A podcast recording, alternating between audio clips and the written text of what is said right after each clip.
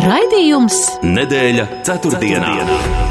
Sabiedrībā zināma cilvēku diskusija par nedēļas aktualitātēm katru ceturtdienu pēc pulksten 17. Nedēļa ceturtdienā. Projektu finansē Mēdīju atbalsta fonds no Latvijas valsts budžeta līdzekļiem. Sveicināti, kurzemes radio klausītāji! Atkal tiekamies ceturtdienas vakarā un kopā ar šī raidījuma viesiem pārunāsim aktuālākos notikumus pēdējo septiņu dienu laikā. Gatavojamies Eiropas parlamenta vēlēšanām. Latvijas deputātu kandidāti būs zināmi tuvākajā laikā. Rīt 9. februārī noslēdzas politisko spēku kandidātu sarakstu iesniegšana Centrālajā vēlēšanu komisijā. Šajā nedēļā arī Latvijā notika lauksaimnieku protesti, aktualizējot dažādus jautājumus jautājumus, kas vēl zemnieku prāt nav atrisināti. Zemkopības ministrs gan intervijās pauž, ka viss tiek risināts un ir sava kārtība, kas prasa mazāku vai ilgāku laiku, līdz prasības ir redzamas dzīvē. Reģionos iedzīvotāji neskaidrībā ne tikai par skolu nākotni, bet arī par pasta pakalpojumu pieejamību. Kas šobrīd notiek ar Latvijas pasta vadību un kāda būs Latvijas pasta turpmākā darbība Latvijā? Ukraina piedzīvo Krievijas raķešu uzbrukumu uzdevumus un gaida rietumu palīdzību, un vakar vakarā kļuva zināms, ka nebūs ASV finansiālās palīdzības, bet noteikti tiek solīta cita veida militārā palīdzība. Un vēl nedēļas nogalē tika pasniegtas lielā Kristapa balvas, novērtējot kino jomas sasniegumus Latvijā. Kādus no tematiem plašāk apspriedīsim kopā ar raidījumu viesiem - žurnālistu TV24 ētera personību Kārli Streipu. Labvakar! Labvakar visiem! Un Ziemeļa Eiropas politikas centra vecāko eksperti Baibu Bļodnieci. Labvakar! Labvakar! Un jautājums ievadam. Tātad svētdien tika pasniegtas balvas Lielais Kristaps. Kāds, jūsuprāt, ir latviešu kino industrijas veikums aizvadītajā gadā, un vai arī jums ir sava favorīta filma eh, Latvijā ražota? Baiba, sākšu ar jums! Nu, no jaunajām filmām e, es domāju, ka man e, vēl nav favorīti, jo es pievienojos tiem, kas e, saka, ka ir, ir saudabīgi, ka pasniedz balvas pirms vēl ir, ir šīs filmas redzētas un, un piedzīvojušas iespēju skatītājiem viņas novērtēt. Bet es domāju, ka nu, Latvijas kultūras cilvēki, nu, sevišķi arī, arī filmu, ir, ir ļoti talantīgi un redzot gan mūsu ierobežotos finanšu resursus un nu, atsevišķi attiecībā uz, uz, uz kino industriju. Es domāju, ka tas viņu veikums vienmēr ir, ir, ir, ir fantastisks, gan spējot radīt filmas, kas ir ļoti, uh, es teiktu, tā sarežģītas, nu, kā ekranizējot viņas, kas paceļ ļoti smagas arī tēmas, Nu, un arī tā skaitā vienlaikus mēģinot arī radīt kaut ko priecīgāku un, un kādas komēdijas. Nu, mēs teiktu, ka kā latviešiem mums vienmēr tas žanrs, kas ir skaistīts ar skumjām, pārdzīvojumiem un tam līdzīgi, nāk kaut kā dabiskāk. Diez kāpēc tā ir, nezinu, bet tā mums vienmēr ir. Uh, visas mums tādas grūtās lietas mums padodas uh, labāk. Bet visādi citādi es domāju, ka mums tie kino cilvēki ir tiešām fenomenāli ar to, ko viņi spēj pie tā ierobežotā resursa uh, izdarīt. Jā, Kārli. Nu, mūsu tauta jau vienmēr vēlas sevi uzskatīt par upuri, ka nevienai citai tautai nav sliktāk darīts pāri kā nabaga latviešiem. Attiecībā uz Lielo Kristapu nākamajā rītā, kad es paskatījos uh, sarakstu, kas ir izvirzīts un kas uzvarēts, man bija jākonstatē, ne tikai es nebiju redzējis nevienu no tām filmām, kas bija izvirzītas galvenajām filmmetrāžas filmas balvām, es nezināju, ka tādas vispār ir. Un uh, es, es, es, es, sekoju notikumiem, varbūt, varbūt ne tik daudz uh, kultūras lietām, bet pēdējā latviešu filma, ko es redzēju, bija um, uh, Helmanovs un pēc tam Dvēseli puteni. Un abos gadījumos runa bija par tiešām profesionāli uztaisītām filmām, kur es pilnīgi piekrītu Bjodnieces kundzei, ka mums ir izcili aktieri Latvijā. Uh, par to tiek runāts arī tagad par jauno pansija pilī, Anšlāva Eglīša tās grāmatas ekranizējumu, ka tur galvenā vērtība ir, ka tur spēlē nu, mūsu visklasiskākie aktieri, Gundars Āboliņš un, un citi. Un, līdz ar to par, par profesionālismu nevar neko sliktu teikt. Uh, pareizi arī Baiba teica, ka ar naudu vienmēr ir tā, kā ir. Homonovs bija simtgadus filma, līdz ar to tur bija papildus finansējums. Uh, Dvēseli puteņš bija kopražojums, tur bija finansējums, bet pašmājās ražotās filmas.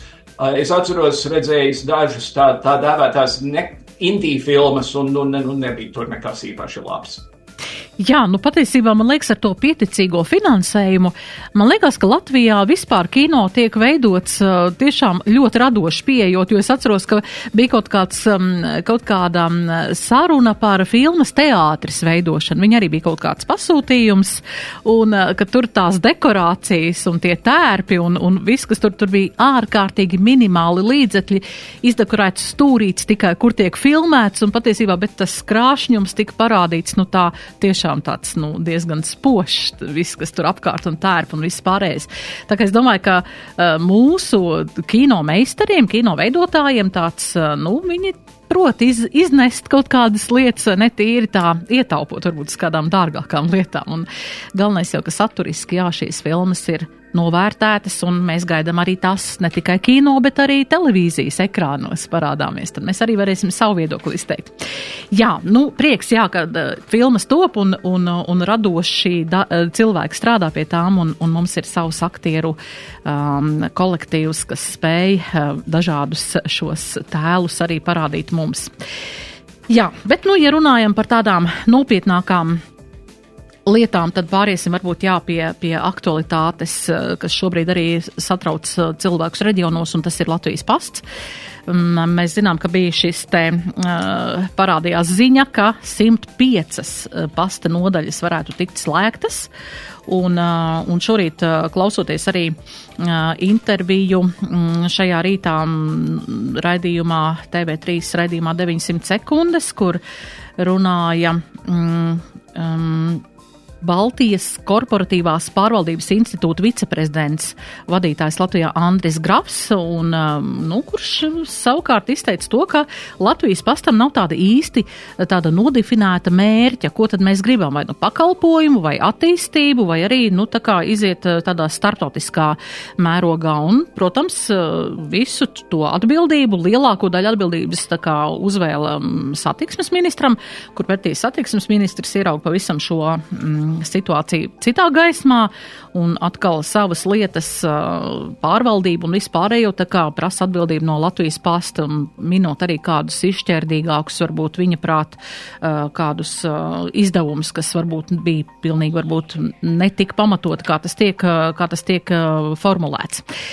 Kāds ir jūsu tāds skatījums uz Latvijas pastu? Kas šobrīd tur notiek? Un, uh, ko jūs varat pēc tādas pieejamās informācijas pateikt, ka, ka, kas notiek ar Latvijas pastu? Kārli, sākšu ar jums. Nu, tie, tie divi padomjas locekļi, kuri atkāpās no amata pirmdien, viņi teica, ka visi, tie visi plāni un visa stratēģija, par kuru tika sacelta Jāzga, tur piedalījās satiksmes ministrijas ierēģi. Un līdz ar to satiksmes ministrijas ierēģi ļoti labi zināja, kas tur bija. Un tie padomjas locekļi teica, ka acīm redzot, ir piemeklēts tas viņu tusiņš, kas, ko viņi aprakstīja vārdiem labāko darbinieku atbalvošanu par 180 tūkstošiem eiro, kas es piekrītu, ja ir, ja ir problēmas, tad ir tā tā ir šķiet nesamērojama nauda.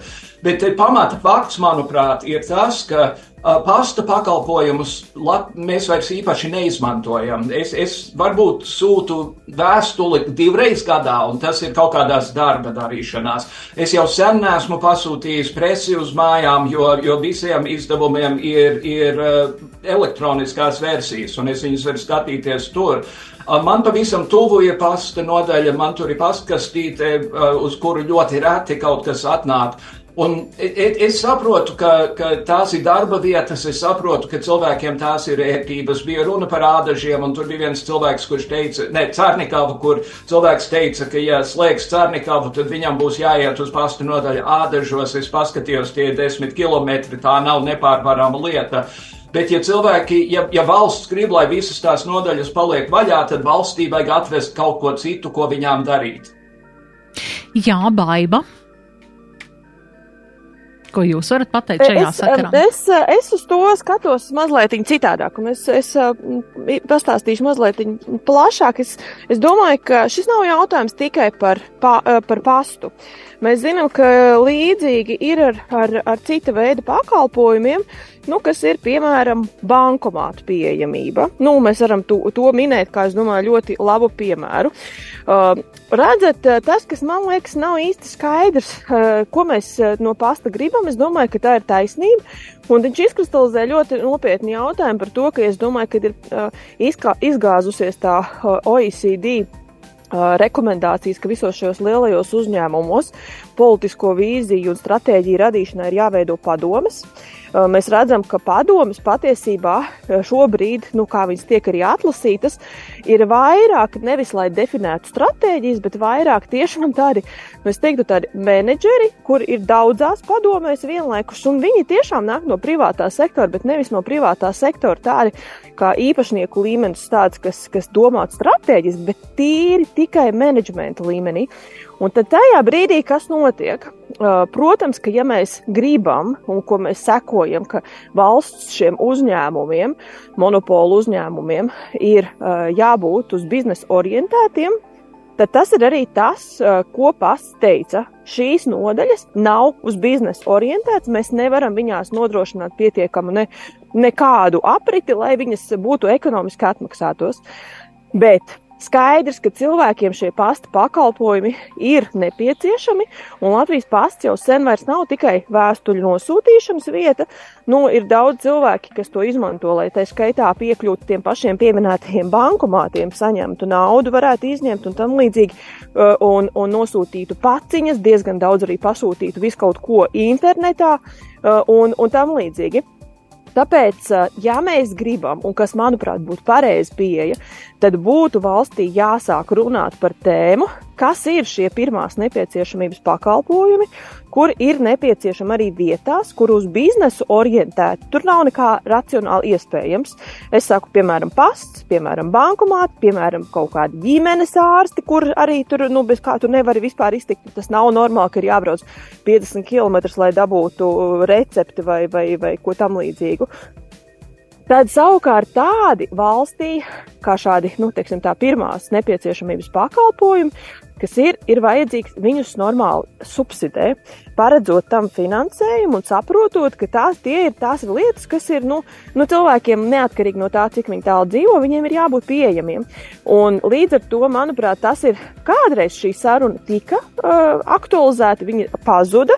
Es ļoti ceru, ka pasts šo tēmu aktualizēs. Tas nav runa tikai par pastu. Tie ir pirmās nepieciešamības pakalpojumi, un valstī viņi tiešām ir jāsubsidē, jo uz biznesu tos visus orientēt nav iespējams, bet cilvēkiem ir tiesības viņus saņemt. Tas ir tikai normāli civilizētā pasaulē, ka uh, tev nu, ir, ir lietas, nu, nu, nu, tas tiešām, manuprāt, bankomāti bija arī kādu brīdi atpakaļ šis jautājums. Nu, ja bankām nebūs izdevīgi likt bankomātu kaut kur tur tālu dēļ pārdesmit cilvēkiem, tad savukārt šiem cilvēkiem gan ir tiesības saņemt naudu, vēl jo vairāk, ja mēs gribam, lai pēc iespējas vairāk nauda būtu nu, teiksim, tā virtuāli, nu, banku, bankomātā un, un fiziskās naudas, skaidrs naudas aprite mazinātos, nu, tad tajā gadījumā mums ir diezgan daudz arī jāspēj nodrošināt šīs lietas, ka cilvēks saņemot algu uz kontu, var tomēr viņu arī izņemt, lai, piemēram, aiziet uz tirgu un varētu nopirkt tirgu ēdienu, jo kā tad, lai savādāk viņi to dara.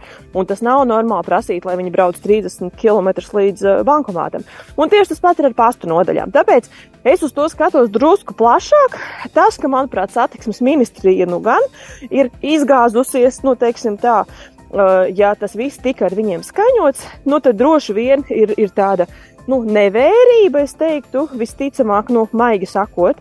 Jo, nu, protams, ka tie tā balle, kas šobrīd ir kā izvilkt kā, kā notikums, nu, skaidrs, ka izskatās tiešām nu, ne, neadekvāti, bet uh, es viņu neskatu kontekstā ar, tām, ar to pasta nodaļu slēgšanām, jo tas ir, ja mums ir jautājums, ka mēs gribam, lai pasts ir pelnošs uzņēmums, nu, tad mēs nevaram vienlaicīgi prasīt, lai viņi veic šo sociālo funkciju.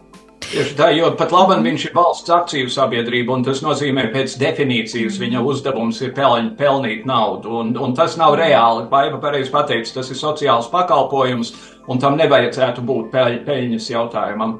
Jā, mums ir reklāmas pauzīt, un pēc tam mēs turpināsim vēl mazliet par pastu. Nedēļa ceturtdienā. ceturtdienā.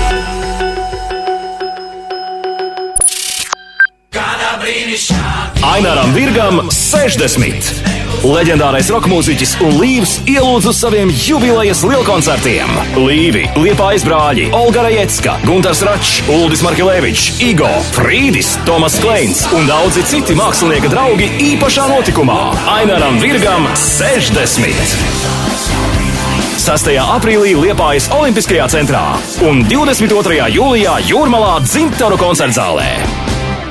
PTA tam bija trīs A. Sadzīves tehnika ir jāpērk internetā. Lētāk. Sadzīves tehnika ir jāpērk veikalā. Var aptaustīt par pārdevēju, pakonsultēties, izsvērt visus par un pret. Nē, internetā. Nē, veikalā. Sadzīves tehnika ir jāpērk PTA.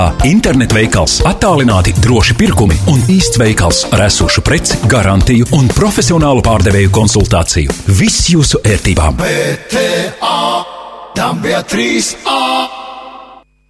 Ziemas sezona vairs nav aiz kalniem.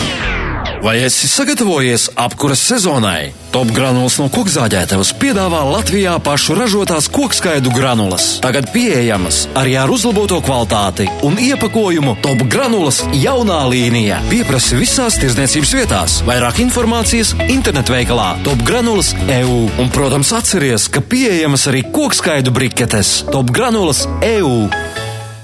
10. februārī saksofona mūzikas svētki Vēnspilī.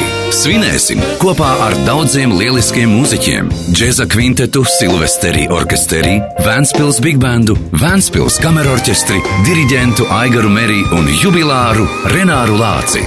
Kopīgi radīsim jaudīgus svētkus koncertzālē Latvijā. Biļetes biļešu paradīzē. Svētki būs uz tikšanos 10. februārī 2016. koncertzālē Latvijā. Nedēļa ceturtdienā. Turpinām raidījumu nedēļas ceturtdienā. Kārlis Streips un Baiva Bļodniece šodien raidījuma viesi. Runājot vēl par pastu, SIA Omniva neizslēdz iespēju piedalīties nākamajā konkursā par universālā pasta pakalpojumu nodrošināšanu Latvijā. Ko tas tagad nozīmē? Nu, mēs atkal redzam, ka nu, ir Igaunijā uzņēmums, kurš ir gatavs ienākt un uh, pielāgoties videi un piedāvāt arī universālā pasta pakalpojumus. Ko par šo sakāt, Kārli? Vai, vai viņš Igaunijā to jau dara? Igaunijā joprojām ir, nu, kā, nezināšu pateikt, neesmu papētījusi mm, to, okay. droši pateikšu. Jā. Jā, bet, nu, ja viņi plāno piedalīties uh, konkursā Latvijā, tas nozīmē, ka, nu, viņiem ir, viņi ir izpētījuši šo, šīs iespējas. Baiba, ko jūs domājat par šo? Nē, nu es domāju, ka tas ir labi, jo tas liek arī tādam kā Latvijas pastam sapurināties, bet nu vienlaicīgi mēs saprotam arī, ka Uh, ka vienlaicīgi nu, tas, tas ir tas, ko es teicu, tas ir pakalpojums, par ko mm -hmm. tiek maksāts, par ko valstī ir jāmaksā. Un, un uh, līdz ar to nu, tas, man liekas, nu, tie, tie, tie, tie paver tieši to jautājumu, ka, nu, Protams, ka mēs gribam, ka to vairāk dara mūsu uzņēmumi. Es esmu par to, ka, ka mums kā valstī ir jāveicina savu uh, uzņēmumu attīstību, bet, protams, no otras puses, ne, es uh, neuzskatu, ka monopolu uzņēmumi ir labākais, jo monopolu uzņēmumi vienmēr ir, vienmēr viņiem ir problēma ar kvalitāti. Uh, un, un tāpēc, tāpēc jautājums ir par to, cik daudz ir tas samērīgums. Bet, nu, skaidrs, ka jā, mums ir, mums ir nu, tas, tas balans vienmēr kaut kur ir jārod. Jo, protams, ka, nu, kā mēs redzējām arī ar ar bankām, kad ir banku krīzes vai kas, tad tajā gadījumā, protams, primāri visi šie uzņēmumi domā par savu valstu mājas tirgiem, un mēs esam tikai kā papildus, uh, papildus tirgus. Tā kā Es esmu par vietējiem uzņēmumiem, bet attiecībā uz monopoliem viņiem vienmēr ir veselīgi, ja ir kāds viņiem elpo pakausī no konkurences viedokļa. Nu, jautājums, vai valsts uzņēmums uz to, to jūt kā konkurence, tas ir vēl, vēl, vēl sarežģītāks jautājums. Jo tas, eh, nu, justu, ja viņš būtu privāts uzņēmums, viņš uzreiz sāktu satraukties un domāt, kā celt kvalitāti, uzlabot pakalpojumus, lai klienti nepāriet pie otra. Attiecībā uz valsts uzņēmumiem viņi jūtas pietiekami droši. Tā iemesla dēļ arī varbūt tas eh, izpaliek šis normālais kā, tirgus faktors, kas iedarbotos. Jā, nu katrā ziņā Omniva ir arī satiksmes ministrijai iesnieguši savus ieteikumus, un, un patiesībā, jā, viņi tā ir apsvēruši jau no kaut kādas uh, pozīcijas to, ka viņi varētu to darīt, piedalīties, un līdz 26. gada beigām gan nekas vēl nemainīsies, jo tikmēr vēl nodrošina Latvijas pasts šos pakalpojumus. Bet, ja mēs runājam par šo sociālo, jā, tieši par sociālo um, lomu arī Latvijas pastam, tad, nu, Kā, kurš varētu uzņemties to, vai, vai tas jāpārņem citai ministrijai, vai, vai kā, tas, kā jūs to redzat? Bet šis ir tieši tas, nē, tā sociālā loma nav tādā ziņā, ka tie nav sociālie pakalpojumi. Nē, tie nav Šī sociālā, sociālie. sociālā joma, no, no, sociālā loma ir tā, ka nodrošināt uh, cilvēkiem ikdienas uh, normālus pakalpojumus, kas tev ir vajadzīgi nu, ikdienas eksistencei. Uh, Un, un uh, tas ir tur aptieka, tā skaitā starp citu, uh, ir uh, un, un tādas lietas, uh, nu, kas ir nu, nesamērīgi prasīt uh, pārāk lielus laika vai, uh, vai attāluma uh, vai naudas tēriņus. Un tas ir tas universālais pakalpojums, bet ko es iedomājos vēlreiz par to omnivu uh, domājot. Ar omnivu galvenais, lai nav tā, ka privātajam sektoram mēs bieži vien esam gatavi atdot uh, pakalpojumus, kas ir ienesīgāki, kur vispār ir kaut kāds bizness, un tad atmest valsts tiem uzņēmumiem to, nu, kur nav nekāds bizness vispār vairs. Tāpēc arī ir jautājums, ko Omnio vispār piedāvā, vai viņi piedāvā nu, se, to nu, kompleksu, jo universālā tā pakalpojuma jēga ir jā, ka viņš tiek nodrošināts, jā, arī vietās, kur, uh, kur es saku, kā uz biznesa orientāciju tīri nav iespējama, un tāpēc par to valsts maksā. Un, tā kā Tā kā jā, tas tikai caur to ir tas sociālais tas, kā, vērtējums, ka tas ir vienkārši tāda, nu, tādas pamata vajadzības cilvēkiem, kurus valstī ir pienākums nodrošināt. Vai nu, vismaz pat ja ne nodrošināt valstī nav pienākums, tad mums kā sabiedrībai kopumā uh, ir, ir nu, jāvienojas, ka tomēr šīs ir elementāras lietas, un tad mēs visi kopā par to maksājam, jo valsts jau nav nekas atrauc. Valsts ir mūsu vienošanās par to, ko mēs uzskatām par normālu, ko, kādos apstākļos mēs gribam dzīvot un, un kā pēc iespējas racionāli to izdarīt. Jā. Kāda cita tēma? Pāriesim pie zemniekiem. Zemnieku saima līdz piekdienas pusdienlaikam, tas būs jau rīta, būs uh, skaidrībā par to, vai turpināt protestus, un mēs zinām, ka piekdien bija vairākās pilsētās zemnieku protesti. Es pieņemu, ka tas ir ietekmējies arī šis uh, lēmums, uh, redzot, kas notiek Eiropā, kā zemnieki ir um, dažādās valstīs, pilsētās iz, izbraukuši ielās ar savām tehnikām, un Briselē pavisam, un Parīzē pavisam, Francijā Francijā pavisam tā nu, diezgan radikāli pieņemot dažādas uh, aktivitātes, izvēršot, bet um, arī mūsu zemnieki ir um, nu, pieņēmuši šādu lēmumu un domā arī par, par turpināt šos protestus. Kā jūs redzat šobrīd komunikācija tieši lauksaimniekiem ar savu ministriju un arī tas, kas attiecās uz finanšu ministriju un, un, un visiem pāriem šiem jautājumiem? Mēs zinām, ka tas nav tikai, tas nav momenta lēmums. Bija iepriekš tikšanās bijusi jau aizvadītā gada nogalē Slampē, kur zemnieki tikās ar savus nozares um, ierēģiem un, un izvirzīja prasības, kas šobrīd viņu prāt vēl nu, līdz galam nav kā izpildītas. Uh, Kā jūs redzat šo uh, lauksaimnieku tādu nu, neapmierinātības paušanu? Cik pamatoti un, un vai būs kaut kāds rezultāts no šiem protestiem, Kārli? Nu, manuprāt, viena no lielajām ironijām par Latvijas neatkarības atgūšanu ir fakts, ka Latvija likvidēja kolhozus. Saprotamā kārtā, protams, likvidēja kolhozus Tieši tajā pašā laikā, kad citur pasaulē notika lauksaimniecības konsolidācija.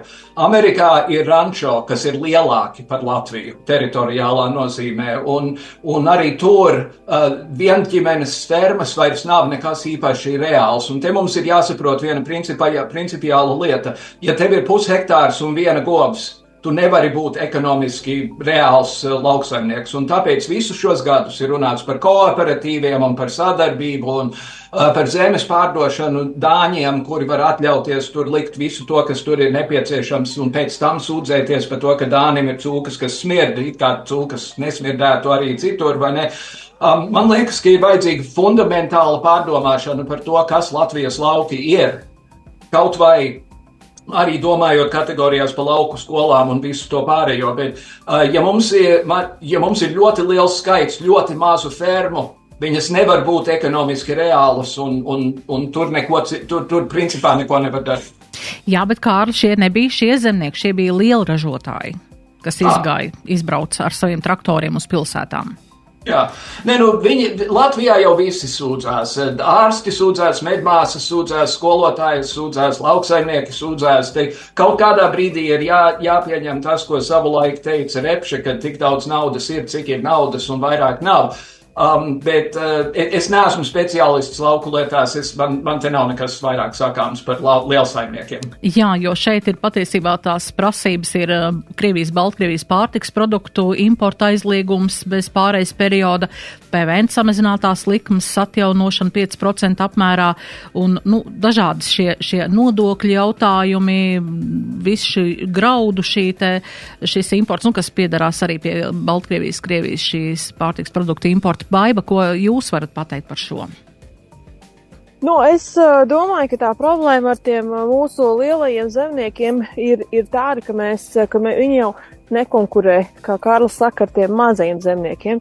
Viņi konkurē ar savas produkcijas cenām uh, biržās, tā skaitā, piemēram, graudus uh, pārdod biržā, uh, un, un līdz ar to sanāk, ka mūsu zemnieki, kuru pat, kuri patiesībā to atbalstu saņem daudz mazāku kā Francijas, tā skaitā patiesībā arī Polijas un Vācijas zemnieki un tam līdzīgi.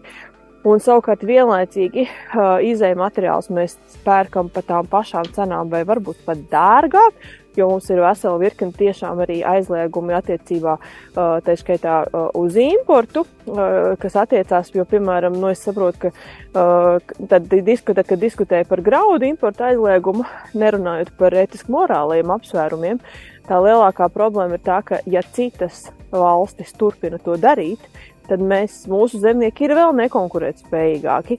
Un līdz ar to tie, tā, tie un, un tur ir arī virkni, cik es esmu dzirdējis, arī virkni citu tādu iekšēju jautājumu. Tā ir skaitā tāda vienkārši zemnieku mānīšana, kad tiek samaksātas subsīdijas un tam līdzīgi. Vesela virkne šīs lietas, kuras vienkārši sakrājās.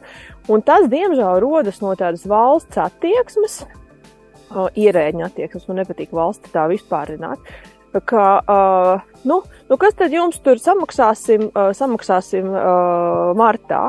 Nu, kas tad, nu, un, un tas ir nu, viegli to saprast, ir, es domāju, cilvēkiem runājot attiecībā par šo naudas plūsmu, nu, piemēram, tāpatās kā valsts ir nolēmusi tagad uh, palīdzēt uh, hipotekāro kredītu sadārdzinājumos, bet kredīti jau ir jāmaksā katru mēnesi. Mums šie nu, lielie kredīti, kādi, kuriem ir pieaugumi bijuši lieli, visticamāk, gandrīz visiem, tad, tad savukārt nu, mēs jums viņus izmaksāsim aprīlī, vai kad tur tagad taisās izmaksāt. Šodienas maksājumus, jo man tas vispār nepalīdz. Un līdzīgi ir arī ar citām šīm lietām. Tāpēc es domāju, veselā virknē tā problēma ir komunikācijā, sapratnē, ātrumā. Jo nu, valsts no vienas puses pieprasa visiem citiem salīdzinoši ātru nu, un, un lielus sodus, tur nodokļus samaksāt laikā, ja ne, tad ir lieli sodi. Savukārt, vienlaicīgi, kas attiecās uz valsts maksāšanu, tad tas viss ir tā relatīvi. Un tāpēc es domāju, ka viss ir tāds liels jautājums arī attieksmē, sarunāšanā, dzirdēšanā, vispār sapratnē un gribēšanā tās problēmas risināt. Tās problēmas dažreiz var būt mazas, dažreiz var būt lielas, bet es ticu, ka viņas sēžot un godprātīgi izrunājot, mēģinot patiešām saprast, nevis vienkārši satikties, lai būtu saticies. Tas nav tas pats. Uh, tad, tad arī uh, nu, es domāju, ka, ka lielākā daļa no šīm problēmām nemaz nebūtu. Bet uh, no zemnieku bažas ir saprotamas, viņiem pieaudzis ir viss. Tieši tāpatās kā cilvēkiem ir pieaudzis viss, tā skaitā izmaksas, vienlaicīgi tirgu pārdot savu preci, kura sanāk līdz ar to daudz dārgāk kā citiem, mēs nevaram. Un tas sanāk kā burtais lokus. Un, un, diemžēl, es domāju, ka katrs tādā mikro līmenī var iedomāties savu mājasaimniecību. Tieši tāpat tās ir tiem nu, lielie, mazie zemnieki. Nav būtiski, mazajiem tas ir vēl grūtāk, bet lielajiem vienkārši ir iespējams vēl lielāks, vienkārši tās pašas problēmas, tikai lielāks, lielāka kredīta, vairāk darbinieku, lielākas la, la, lauku tā, tās teritorijas. Bet uh, principā jau nu, idejiski jau tas nav, nav, nav nekāda atšķirība. Izņemot to, ka viņi vēl ir spiesti konkurēt ar, ar, ar ārvalstu zemniekiem, kuriem ir lētāki kredīti, vieglāk pieejama nauda, lielākas subsīdijas, lētāki izēja materiāli, lielāki noieta tirgi un galu galā tāpēc viņiem tās preces sanāk daudz lētākas. Nu, tā kā saprast viņus var ļoti labi. Jā, nu, nezinu, vai tāpēc, ka tuvojas arī Eiropas parlamentu vēlēšanas, vai, vai kā, bet mēs zinām arī, ka Eiropas parlaments un Eiropas komisija nākuši pretī arī zemniekiem Eiropā, un tā kā ir atcelts arī šīs prasības par pesticīdu ierobežošanu un vispārējo, nu, es, es pieņemu, ka šis ir labvēlīgs laiks, lai šādas prasības arī Eiropā izvirzītu, lai dabūtu vismaz kādu atvieglojumu, lai varētu turpināt saimniekot, kā, kā zemnieki ir ieraduši, un kā tas varbūt nav tik viegli varbūt nomainīt. Bet, nu, jā, es, es pieņemu, ka tas arī ir tāds periods, kad uh, ir labi izteikt savas vēlmes, ņemot vērā, ka vajadzēs Eiropas parlamenta kandidātiem nu, savas balsis, vai ne? Mums ir atkal reklāmas pauzīte, un pēc tam mēs turpināsim un pāriesim jā, uz Eiropas parlamenta lietām. Nedēļa ceturtdienā. ceturtdienā. Mēs vakar zemīti nopirkām. Tu ko? Uz laukiem pārcelies? Nē, sēžu un stādīšu uz palodzes. Vēderam vai smukumam? Gan, gan. Depo, dārzeņu un puķu sēklas, arī puķu sīpoli tur ir un dēstu kastītes, zemīte, mēslojums par zemu cenu katru dienu. Pavasaris depo jau klāt. Un jūs? Labvakar, darbie draugi! Talantīgais, harizmātiskais un Latvijas publikas sirsnīgi iemīļotais Maksims Galkins. Šodien es uh, runāšu un jokošu tikai latviešu. 7. augustā koncerta zālē Lielais Zintars ar jaunu programmu. Я не знаю, зачем Галкин это все придумал. Pozitīvu emociju lādiņš un lielisks garastāvoklis garantēts. Biletes bilešu servisa tīklā. Es jau uz vēlēšanām neju, bet zinu, ka valdība par tautu nedomā. Nē, esmu speciālists, bet domāju, ka elektroautorāta nav piemērota mums. Veido savu viedokli. Portālā lasi.CLV uzticams, pārbaudīts un noderīgs saturs, ko ikdienu veido Latvijas mediju žurnālisti. Lasi aktuālus viedokļus, asus komentārus, izpētes, analītiskos rakstus, izvēlēs portāla lasi.CLV gada abonementu un vari laimēt kafijas automātu. Veido savu viedokli ar Lasi LV. Akcijas pieejams līdz 25. februārim. Loterijas atļaus numurs 8014. Nedēļa ceturtdienā. ceturtdienā. Turpinām raidījumu Baiba Bļodniece un Kārlis Streips šī vakara raidījumu viesi. Um, pāriem pie Eiropas parlamenta jautājumiem un Eiropas parlaments šodien balso par rezolūciju, kurā ir uh, uzsvērta nepieciešamība stiprināt Eiropas parlamenta iekšējās drošības sistēmas pret Krievijas iejaukšanos un arī nos, novērst uh, iespējas Krievijas ietekmes aģentiem izmantot arī Eiropas parlamenta resursus dažāda nu, sev labvēlīga satura izplatīšanai. Un mēs zinām, ka tas, kas notiek Eiropas parlamentā šobrīd, kas ir sāsinājis arī tādu iekšēju, tādu, nu, tādu uzsildījis to temperatūru, tā ir mūsu Latvijas Eiropas parlamenta deputāta deputāte Tatjana Ždānoka, kur izrādās ir nu, vairākus gadus nu, savā veidā arī ziņojumus rakstījusi un atskaitījusies par, par paveikto arī, nu, mēs zinām, Krievijas labā. Kārli, ko jūs varētu pateikt un, un kā jūs redzat tagad mums arī top jaunie šie Eiropas parlamenta deputātu kandidātu saraksti, un mēs zinām, ka atkal ir parādījies saraksts, kurā ir Tatjana Ždanoka. Jā. Šodien, kad es rakstīju savu raidījumu tekstu, papīrus bija iesniegušas 11 partijas un apvienības, bet bija divas, kurām tika atteikts. Viena bija partija ar nosaukumu Neko neizsakošo pamats LV, un tur problēma bija, ka Tatjana Ždanoka personīgi samaksāja drošības naudu. Tā nedrīkst. Ir jāmaksā no partijas bankas konta. Ja pamats LV ir tas, kas ir palicis pāri no Latvijas Krievu Savienības, tad Krievu Savienībai nekad nav bijis bankas konts Latvijā, jo neviena banka nav bijusi gatava viņam, viņai dot kontu. Par to, vai tas ir pareizi vai nepareizi, par to var strīdēties. Otra ar to pašu problēmu bija sīkpartija ar nosaukumu Tautas varas spēks, kur pēdējās saimnes vēlēšanās saņēma vienu procentu balsu un kas nav vērā ņemams, par to mēs, nevaram, par, par to mēs varam neuztraukties. Manuprāt, lielā cīņa Eiropas parlamenta vēlēšanās būs starp jauno vienotību attīstībai pār, kur ir IAPS, ir um, Un, un es nezinu, kas cits tur būs. Būs interesanti redzēt, kur aizies Tatjana Ždanokas vēlētāji, jo viņa nedrīkst kandidēt, un līdz ar to viņiem būs jāiet kaut kur citur. Būs interesanti skatīties, vai Ušakovam izdosies vēlreiz tikt uz Eiropu, tāpēc, ka saskaņa ir pamatīgi sabrukusi mūsu valstī. Šīs būs ļoti būtiskas vēlēšanas, un es gal, mums deviņus mēs vēlēsim šogad, nevairs tikai astoņus. Un galvenais, ko es gribu mudināt visus kuldīgas rādīt, radio klausītājus ir 8. jūnijā auniet kājas, dodieties uz iecirkni, atrodiet to sarakstu, kas jums patīk un balsojiet par to. Pirms pieciem gadiem mazāk nekā trešā daļa Latvijas iedzīvotāju piedalījās Eiropas vēlēšanās, kas nozīmē, ka divas trešdaļas nolēma, ka acīm redzot Briselē nekas tāds nenotiek, par ko mums būtu jādomā šeit Latvijā. Tieši pretējais Briselē notiek ļoti, ļoti daudz kas, par ko mums vajag domāt šeit Latvijā, un līdz ar to būt apātiskiem par to ir pilnīgi garām. Jā, baiva.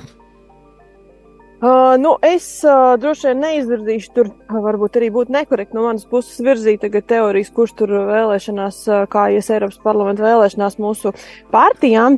Tik vēlējos precizēt, Kārli, ka Latvijas attīstībai un par ir atsevišķas partijas un Latvijas attīstībai, tas, kur ir ieap savukārt par, ir tie, kas ir izvirzījuši šo uh, Ukrainas uh, pilsu, uh, Ukraina. Jā, uh, Uh, tas, tas, bet tas sīkums, tas vienkārši kā tā, tādā ziņā, lai. Uh, ne. Bet uh, kopumā, protams, es domāju, ka mums ir ļoti, ļoti svarīgi, kas ir mūsu pārstāvji Eiropas parlamentā. Un uh, vairāk arī runājot tajā drošības kontekstā, jūs pareizi Anna pieminējāt tos šo jautājumus, kas tiek runāt arī par to iekšējo Eiropas Savienības drošību. Protams, tiek diskutēts, un manuprāt, būtu arī jādiskutē, kas ir ar civilām aizsardzībām un tam līdzīgi. Bet tas, kas ir svarīgi mums kā valstī, ir ļoti svarīgi, lai turpinās Eiropas atbalsts Ukrainai. Labā ziņa ir tā, ka Eiropā ir mazāk par to šaubu kā Amerikā. Acīm redzot, amerikāņi tomēr jūtas tālu no tā visa, ja vien tas nav viņu telefonos visu laiku sociālo tīklu lentēs, kā tas bija pašā kara sākumā, tad acīm redzot, viņiem par to satraukums ir, ir mazāks. Bet es tāpēc domāju, ka mums tiešām ir ļoti svarīgi. Tas par Ždanoku, nu, protams, mūsinošais te visā stāstā, ja var par Ždanoku atsevišķi, Tad, kad nāca šis, nu, ka jā, ka Ždanoka tur sadarbojas, vai kādam par to bija vispār šaubas? Un tas man ir liels jautājums mūsu drošības iestāžu virzienā, ka mēs ne tikai zinām, ka šie cilvēki sadarbojas ar citu valstu, uh, sevišķi, nu, labi, pat ne citu valstu, sauksim precīzi, ar Krievijas uh, uh, varu ziņot, sniedz uh, informāciju, Es teiktu, ka tā ir arī mūsu drošības iestāžu pašcieņa un spēja reaģēt, norādot arī, ka šī ir informācija. Tas nav tikai par slepenas vai kādas informācijas nosūtīšanu, uh, Latvijas informācijas. Tas ir arī jautājums par Eiropas Savienības un tam līdzīgi, ja tieši šis cilvēks strādā citas valsts labā, tad ir jautājums par to, vai tiešām mums uh, nepastāv uh, iespēja kaut kādā ziņā tomēr arī pašiem saulēcīgāk reaģēt. Nevis tikai tad, kad tas jau ir noticis 20 vai cik gadus, tad teikt, ah, jā, tiešām, nu tiešām, es taču, tas taču bija visiem kā uz dēlns, viņi pat nevienu mirkli to neslēpa. Tas nekad nav bijis noslēpums, manuprāt. Tāpēc, protams, ka ir, ir jāiet, es arī pilnībā pievienojos Kārlim. Eiropas parlaments mums varbūt šķiet tālu, bet šobrīd viņš patiesībā mums ir tuvāk un vajadzīgāks kā jebkad. Nemaz nerunājot, kādreiz tika uzskatīts, ka Eiropa priekš Eiropas Savienība priekš mums ir kā nu, nauda, lai mums būtu nauda, uh, infrastruktūra un tam līdzīgi Eiropas Savienības fonda, protams, tāpat tās ir būtiska sadaļa bet vienlaicīgi tas ir jautājums par mūsu drošību, par Eiropas Savienības saliedētību, stiprību, jo nu, šis tuvākie 10, 20 gadi, diemžēl, ģeopolitiskajā situācijā mēs nevaram domāt tikai, tikai par ikdienu, mums ir jādomā arī par mūsu aizsardzību, mūsu drošību, mūsu nākotni. Jā. Es gribētu atgādināt, ka Tatjana Ždanoka 2019. gadā uz ceturto termiņu tika ievēlēta ar mazāk nekā 30 tūkstošiem balsu, un tas bija latviešu slinkums un apātija, kas to nodrošināja. Bet, ja drīkst pāris vārdus par to, kas Amerikā pat labi notiek, Jā, republikāņi tradicionāli ir bijuši ļoti stingri aizstāv citu valstu tiesības un suverenitāti un neatkarību. Ronalds Reigans bija tas, kurš pateica, ka Padomju Savienība ir ļaunuma impērija un tā tālāk un tā joprojām. Kas ir noticis pat labāk, ir, ka Republikāņu partiju ir pārņēmis Trumps un tā dēvētais magās spārns, kas ir radikāli maniakāls spārns, kas ir visu laiku bļāvis, ka galvenais ir sakārtot robežu ar Meksiku. Nerunās par Ukrainu, kamēr tas nebūs izdarīts. Senātā izstrādāja likuma projektu, kurā bija gan nauda Ukrainai, gan Izrēlai, gan arī robežas sakārtošanai. Bet tad Trumps pateica, ka to vajag noraidīt, tāpēc, ka viņam tas jautājums ir vajadzīgs politiskajā kampaņā. Un rezultāts ir tāds, ka republikāņi ir tā pielaizījušies šim korumpētajam krimināli apsūdzētajam cilvēkam, ka viņi Ukrainai principā ir parādījuši izstieptu rokas vidējo pirkstu, jo viņi paši balsoja pret to, ko viņi paši bija gribējuši un par ko viņi bija bļāvuši. Tā ir liekulība neaprakstāma, un man kā Amerikas, amerikānim ir dziļš, dziļš kauns. Jā, un patiesībā šis balsojums bija, man liekas, ar desmit, vai, ne, ar viens balss pārsvaru, man liekas, jā? Nē, senātā ir vajadzīgas 60 balsis. Bija Ah, 49, jā, 49 50 atbalstīja, jā, 50 Jā. bija pret, Jā. jā. Jā, nu tā bija vakar tiešām tāda skumja ziņa par to, bet, nu, priecēja tas, ka tomēr uh, Salivan kungs solīja, ka būs militārā, um, militārā palīdzība, nebūs šī finansiālā. Jā, nu tas ir tā kā arī cits, uh, cits temats, bet tas, ka mums ir, ir tiešām jāiesaistās ar savu um, attieksmi, ar savu balsošanu arī Eiropas parlamenta šī, šajā veidošanā un, un arī mūsu deviņi deputāti, nu, labi, tur ir simtiem deputātu, bet vienalga viņi tomēr uh, nes šo vēsti uh, no, no Eiropas Savienības ārējās robežas, jā, un, un, un šie ieteikumi, un tie ir patiesībā tie ir ļoti svarīgi visai Eiropai, jo, jo mēs zinām, ko nozīmē dzīvot kaimiņos šādā, šādā, mm, šādam, šādai mm, valstī. Jā, vēl runājot par ā, šo te, ā, kā tas bija iespējams, kā līdz 2017. gadam Ždanoks kundze varēja brīvi to darīt un arī saprot pēc tam vēl, bet te mēs redzam, tika atklāts deputāts Adamsons ar savu, ar savu ā, sadarbību arī tieši ar, ar Krievijas šiem te, šīm te iestādēm. Vai arī nu, šobrīd, ja mēs redzam, ka ir kāds likums, kas ir tāds, nu, var teikt, nu, ar tādu mazu, tomēr maziem vārtiņiem uz kaut kādu pieejamību vai kaut ko, vai tomēr tā arī nav tā, tā laika politiķu tāda apzināta darbība, lai, lai neaizvērt šos vārtiņus, lai, vai, lai varētu šo informāciju apmainīt un kaut kādā veidā tomēr ļaut eh, notikt šai informācijas apmaiņai arī ar, ar šo pašu Krieviju. Jo, nu, nav tā, ka tas būtu tā pagājis, nu, nu tā, ā, mēs to ne, neiedomājamies. Tā kā, nu, es domāju, ka tajās um, likumu pieņemšanas procesos tomēr bija cilvēki, kas izbīdīja to cauri, ka tas bija iespējams. Baiva, kā jums šķiet? Nu, es, man ir grūti eh, teikt, es eh, varu tikai kā jurists teikt, ka, ziniet, kā, es domāju, mums likumos ir sarakstīts viss iespējamais, un vajadzīga ir tāda, nu, ar, parasti ar likumu viss ir pareizi. Problēma ir tajā, ka mēs bieži vien uh, baidamies vai uzskatām, ka mēs viņu nu, negribam un nevar, nemākam realizēt. Nu, uh, līdz ar to nu, es domāju, ka viens ir Dānuka, bet ja mēs gribam tādā praktiskāku nu, iedomāties, tad mēs varam taču zinām arī Rūsiņa stāstu, kad likumā iestādēm ir visas iespējamās pilnvaras. Jautājums, vai tas tiek darīts, vai tas tiek saprasts. Un, un, un, nu, tā kā es domāju, ka ja, parasti mēs varam visu kaut ko novelt uz likuma nepilnībām, bet parasti tas ir tikai tāda attaisnošanās vai, vai attaisnojuma meklēšana. Bet no otras puses, nu, protams, ka uh, ilgstoši jau uh, arī prokrieviski tādi teiksim, spēki vai tādi, kas ir tādi ar tādām, pat ja viņi ir ne, ne pilnībā prokrievis, bet ar tādām siltām jūtām vai, kā teikt, plašāku skatu uz uh, pasauli, uh, bijuši parlamentā uh, un, un aizvien ir.